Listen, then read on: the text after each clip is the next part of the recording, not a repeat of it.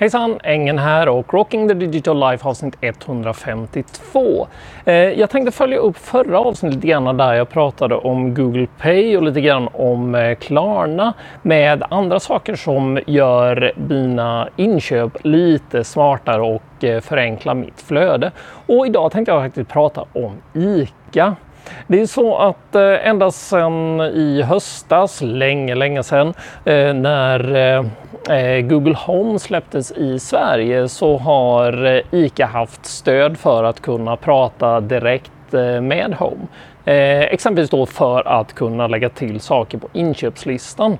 Det innebär också att eh, jag kan eh, på ett enkelt sätt stå eh, hemma i köket, kolla vad som är slut i kylen, tala om för Google att jag vill prata med ICA och tala om att eh, jag vill ha det här på inköpslistan.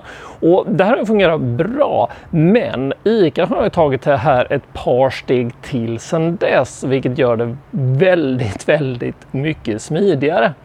Eh, Första steget det är ju att de har faktiskt uppgraderat eh, mjukvarorna på, eh, eh, på självskanningen vilket gör att eh, när jag plockar min scanner så har jag ju numera den inköpslistan som jag pratat in eh, direkt i, eh, i scannern.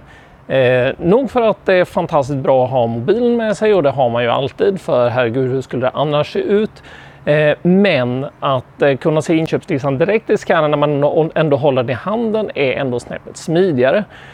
Men det tar inte slut där för att eh, du kan ju använda Google Pay även för att betala när du är på ICA.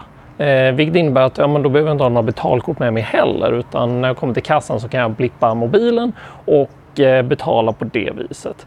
Men säger ju då den, eh, den skeptiken där då att Eh, du måste ju fortfarande ha ICA-kortet med dig. Men det är ju inte så heller längre för med de nya terminalerna så kan du istället scanna av en kod som du har i ICA-appen. Eh, du loggar in på ditt konto där, du väljer digitalt ID och får upp en eh, QR-kod. En QR-kod som är skitfula och som faktiskt har börjat fått en liten revival får jag säga. Eh, för att eh, de har faktiskt börjat bli lite mer användbara. Eh, så scanna den, eh, den koden och så får du ut din scanner och sedan kan du ta dig igenom butiken, kolla din inköpslista, betala med mobilen och du behöver ha en enda pryl med dig förutom just mobilen. Hey, det förenklar livet. Det gör livet mycket, mycket bättre.